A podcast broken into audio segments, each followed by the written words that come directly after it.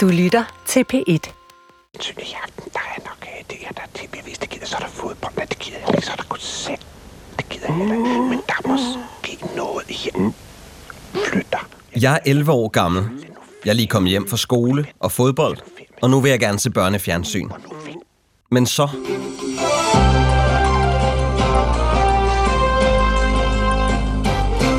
World Trade Center i New York er ramt af to fly. Begge tårne på centret står lige nu i brand. Alt synes at være kaos. Børnetimen er skrottet til fordel for et historisk vendepunkt. Verden ændrer sig den 11. september 2001. Danmark ændrer sig. Og i takt med at hele verden ændrer sig, bliver jeg teenager. Mit navn er Shahin Okær. Du har tredje og sidste afsnit af Fæderland i ørerne. I de næste små 20 minutter vil jeg fortælle om kunsten at balancere mellem to kulturer, om at finde sig til rette og om valget mellem Gud og dåseøl. Du lytter til Fæderland. Tak for din tid.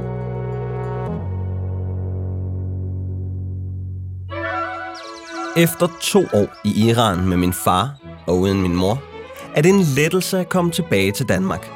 Solsortene synger, solen skinner, og sommerferien den er ved at være over. Jeg starter i skole i Sønderjylland, og jeg får et chok. Et kulturschok. En af de første dage bliver jeg inviteret hjem til en af klassens seje drenge, Jakob. Han bor i sin forældres kælder. På væggene hænger der plakater af let påklædte damer, trafikskilte han har neglet, og på bordet er der klistermærker fra amerikanske skateboard brands. Og så har han to kæmpe store højtalere, hvor membranen er synlig. Det hele er meget voksent og ret sejt. Han sætter en CD på.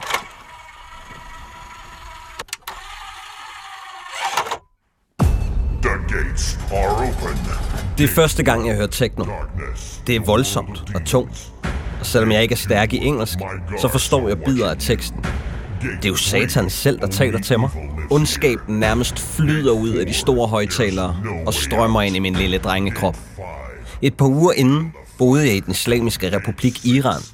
Jeg er stadigvæk en lidt alvorlig iransk dreng med skjorten nede i bukserne og vandkæmmet hår, som møder voksne med et håndtryk. Nu sidder jeg på Jakobs værelse, og jeg er stensikker på, at jeg er ved at blive besat af en dæmon på grund af den diabolske musik. Men jeg siger ikke noget.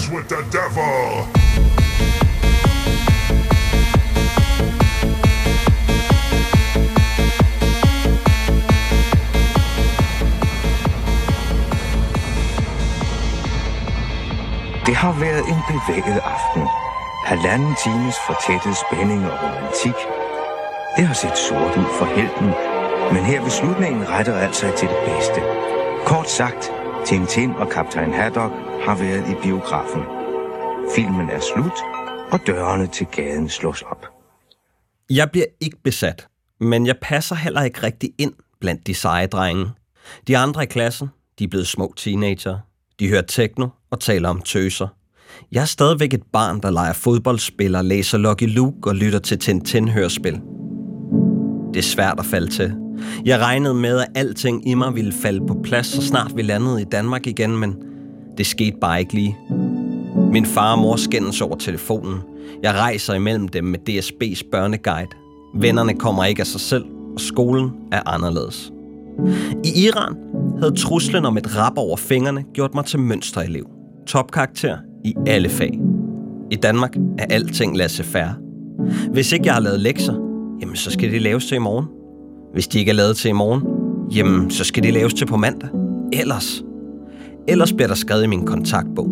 Et lille grønt hæfte, der gør det ud for kommunikation forældre og lærere imellem. Men jeg lærer hurtigt at kopiere min fars uvante håndskrift. Til gengæld, så finder jeg tryghed i min båndoptager. Velkommen til det nye program, Super Benny. Han er bedre end han er en superhelt. Han er bedre end Superman, Batman og Spider-Man til sammen. Velkommen til den nye superhelt, Super Benny. Jeg overkommer min ensomhed og mine startvanskeligheder i Danmark foran en lille kassettebåndoptager. Jeg bruger min tid på at skrive rapvers og sketches, som jeg optager i en uendelighed. Jeg finder på mine egne små universer og giver dem liv. Og 9 meter væk var der en Formel 1 Med 1000 km i timen. Han stod 10 sekunder og overvejede, hvad han skulle gøre. Følg med i næste afsnit, hvor vi afslutter dette afsnit af Super Benny. Mine små optagede universer vokser, og jeg finder en vis selvtillid i dem. Jeg får nye venner, og jeg finder min vej igennem en ny hverdag. Men jeg er stadigvæk et underligt barn. Et sammensat barn, der både sidder klar ved børnetimen og ved TV-avisen. I den islamiske republik Iran bliver børn opdraget til at blive politiske mennesker. Jeg hørte om palæstinenserne, der med sten måtte kæmpe mod Israels science fiction her. Jeg hørte om amerikanernes umættelige blodtørst i Mexico, Korea, Vietnam, Kambodja, Kongo, Cuba, Granada, El Salvador, Guatemala, Indonesia, Laos. These people here, these people who come here to fight, they just, I, I mean, they've left their families. They've left their houses. Just they want to come here just to fight the, the Iraqis. But your country is now helping Iraq. Da jeg var barn i Iran, var det kun 10 år siden den langvarige og blodige krig mellem Iran og Irak var afsluttet. Otte brutale år, hvor Iraks Saddam Hussein fik massiv støtte fra Vesten i sin kamp mod Iran. En krig, der udstillede Irans ensomhed i verdenssamfundet. En krig, der kostede halvanden millioner mennesker livet. En krig, alle i Iran fik ind på livet. En krig, min onkel fortalte om. En krig, amerikanerne støttede massivt. For den islamiske republik, styret i Iran, er det en vigtig del af selvfortællingen, at man er i opposition til USA. Det er en del af styrets eksistensberettigelse. For Amerika har trukket et spor af død og ødelæggelse efter sig i regionen. I 1953 var CIA med til at kubbe en folkevalgt premierminister. De støttede en brutal monark, støttede Saddam Husseins angreb på Iran med våben og know-how. De skød civilt fly ned over den persiske golf med 290 passagerer i. De har militærbaser hele vejen rundt om Iran, og så er der sanktionerne, der har presset den iranske økonomi i knæ, har fattiggjort befolkningen og kostet masser af menneskeliv. I Iran er USA den store satan. Og som skoledreng var jeg selv med til demonstrationer, hvor jeg stod med min spæde drengestemme og råbte død over USA. Mark bar Amerika. Mark bar Amerika. Mark bar Amerika. Mark bar Amerika.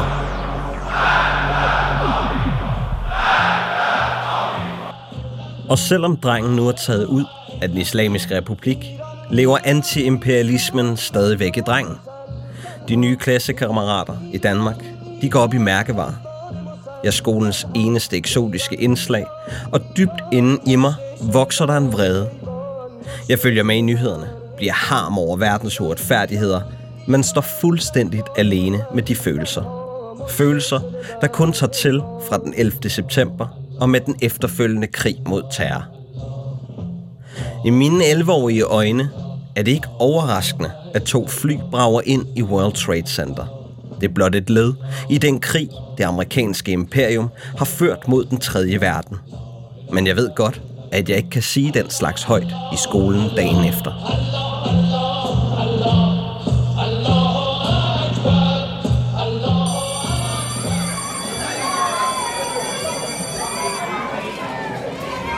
Den 12. september 2001 møder jeg i skole. Alle taler om terrorangrebet dagen inden. Jeg siger ikke noget. Da timen begynder, beder læreren os om at holde to minutter stillhed for gårdsdagens ofre. Men der er forskel på folk. Vi har aldrig holdt et sekunds stillhed for børnene i Palæstina eller ofrene i Tjetjenien, Kongo og Sierra Leone. Jeg vil protestere. Derfor griber jeg til den 11-åriges bedste våben, da de to minutters stillhed starter.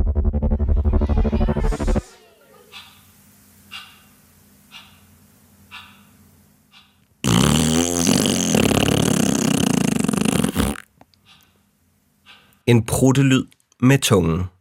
Men frække børn bliver smidt op på kontoret. Og det her, det skulle blive min første tur derop. Min første tur ud af utalligt mange. Jeg ender derop så ofte, at jeg kommer på small talk med skoleinspektørens sekretær. Og det er her, min rejse mod teenage-tilværelsen starter. Every nation in every region now has a decision to make. Either you are with us, or you are with the terrorists. Det er på samme tid, at USA's præsident George Bush Jr.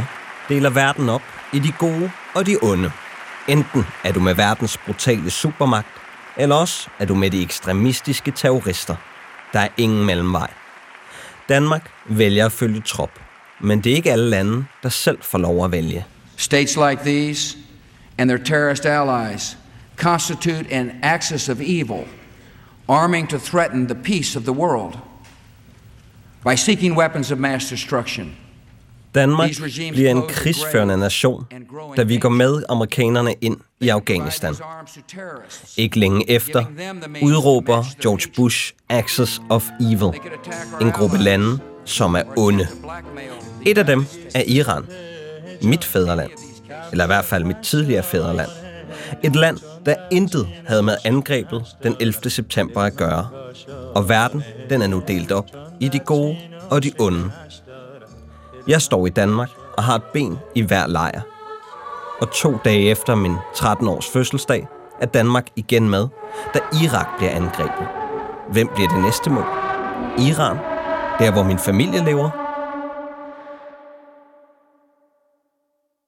Menneskerettighederne har ikke nogen lov. De er en religiøs påstand, og fordi den bliver taget så højtideligt, så har den fået lov til at terrorisere. Det, vi kalder anden og tredje generations indvandrere, de er jo ofte meget mere fundamentalistiske og haske over for dansk kultur, end deres forældre har været. Ikke, altså man kan ikke sige, at fordi man henter hele verden til Danmark, og de så får nogle børn i Danmark, så bliver de børn danskere. Og en af de ting, der er ekstremt i øjnefaldende rundt om på gaderne, det er de forbandede tørklæder.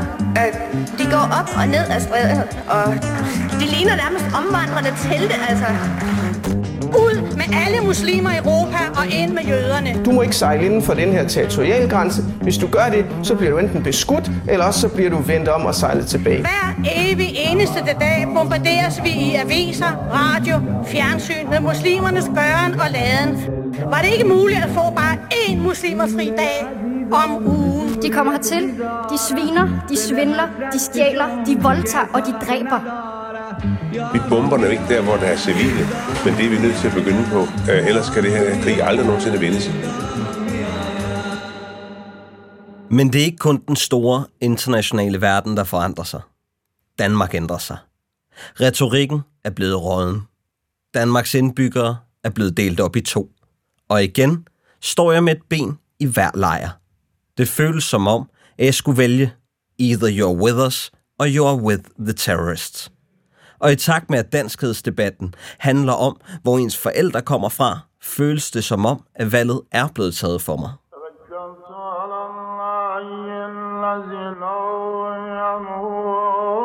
Jeg beslutter mig for, at nu er jeg muslim.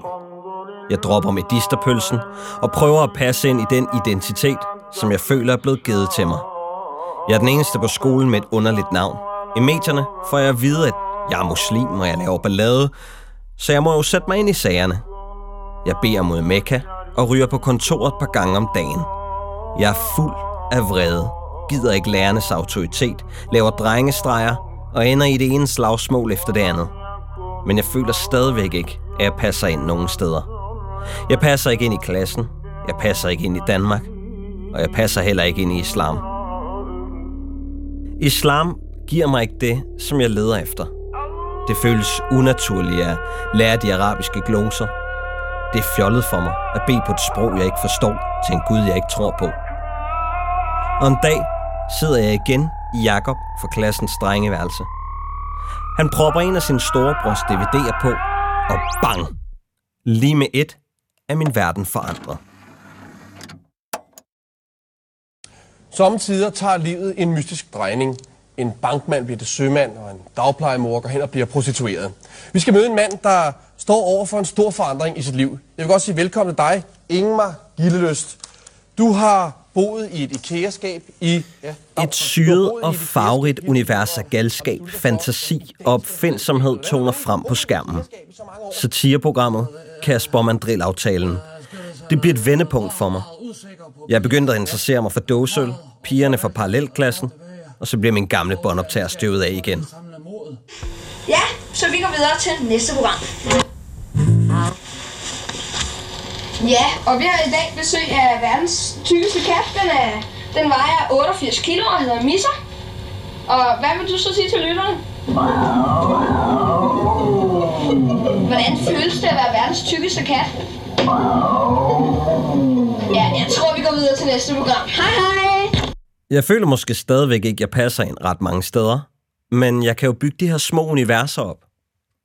Jeg kan optage små sketches, skrive raptekster og indspille dem. Klassekammeraterne synes måske, jeg er mærkelig, men jeg har noget, der er mit. For hvem er jeg egentlig? Jeg er ikke dansker. Jeg hedder jo Shahin, og jeg er også dum i skolen. Først savner jeg Iran, og så skubber jeg det så langt om i baghovedet som muligt. For min iranskhed, den fordamper en lille my af gangen. Når jeg taler i telefon med familien i Iran, kan jeg mærke, at mit sprog ruster. Alligevel føles det mere og mere som om, at det er der, jeg hører til. En fornemmelse, der lever i mig i rigtig mange år.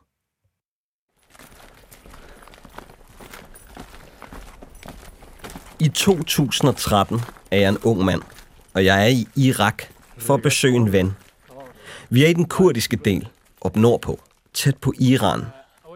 Jeg er der for at se noget nyt, opleve noget og for at mødes med en ven. Men imens jeg er der, kan jeg mærke, at der er noget, der stikker. En slags savn. Den røde, den røde port? Ja. Grænsen til Iran. Er det det? Ja. Jeg skal lige røre ved jorden. Gør det, mand. Jeg bliver nødt til at røre ved jorden. Jeg er tæt på Iran, mit andet hjem, og jeg har ikke været der, siden jeg var barn. Jeg vil endnu tættere på. Så vi aftaler at tage på piknik i grænselandet. Vi køber fladbrød, hummus, falafel og kildevand, og så hyrer vi en chauffør til at køre os gennem bjerglandskabet helt op til grænsen. Så kan vi sidde der og spise med udsigt fra Irak til Iran. Så tæt jeg overhovedet kan komme, uden at kunne krydse grænsen. Skal vi uh, lade ham være i fred så? Ja, det synes jeg. Jeg får ikke rørt ved iransk jord. Mens vi sidder og spiser, bliver vi afbrudt af tre unge soldater med automatrifler. Irakisk grænsepoliti. Vi er suspekte, og vi bliver vist Han væk. siger, at øh, de kigger på os lige nu. Med kigger der? Med kigger der. Åh, jeg tror lidt, det er en sindssygt. paranoia, men øh, lad os bare lege med på lejen for denne gang. Fair nok. Det var måske også lidt blåøjet og naivt at holde skovtur der i grænselandet i en konfliktzone. Men det savn, der stak i mig, det vokser, og det vokser. Jeg kan mærke, at jeg skal tilbage til Iran. En del af mig hører bare til der. Ja, de havde en, en rifle med. Hvad vil de gøre? Vi løber, vi løber bare tilbage. Grænsen.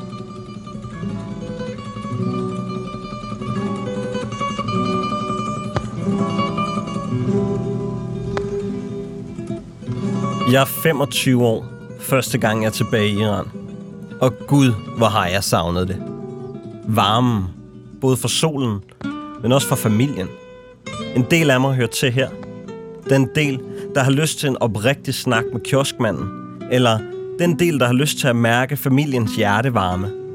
Den del, der ikke synes, at individet, egoet, nødvendigvis er der, hvor lykken er begravet. Men jeg opdager noget mere. Jeg har rejst 4.430 km for at finde hjem. Men jeg er lige så fremmed her, som jeg er i Danmark. Mit persisk er rustent. Jeg kan ikke rumme biokratiet, religionens allesteds nærværende å og alvoren. Det tager nogle dage at vende sig til det. I første omgang var det en skuffelse. Der var ikke en let løsning. Og dog.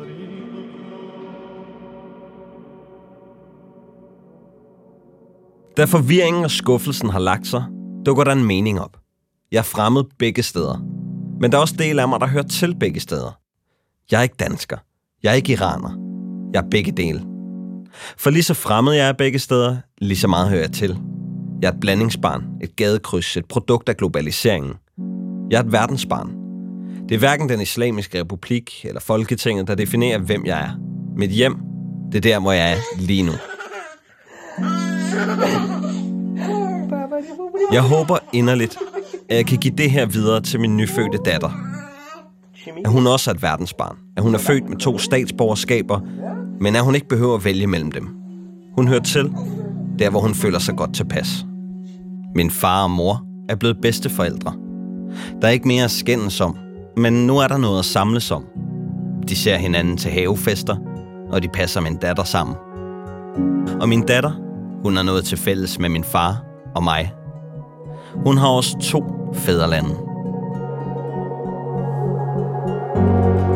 Det her var tredje og sidste afsnit af podcasten Fæderland. Den er produceret for DR, og mine redaktører var Torben Brandt og Hanne Barslund. Den er klippet, klistret og stykket sammen af Adam Hillebrandt. Stemmerne, du hørte, er min familie og venner.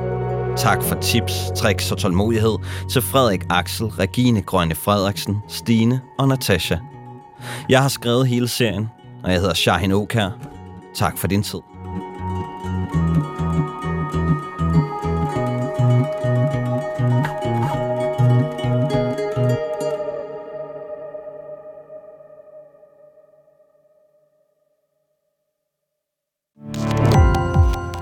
Gå på opdagelse i alle DR's podcast og radioprogrammer. I appen DR Lyd.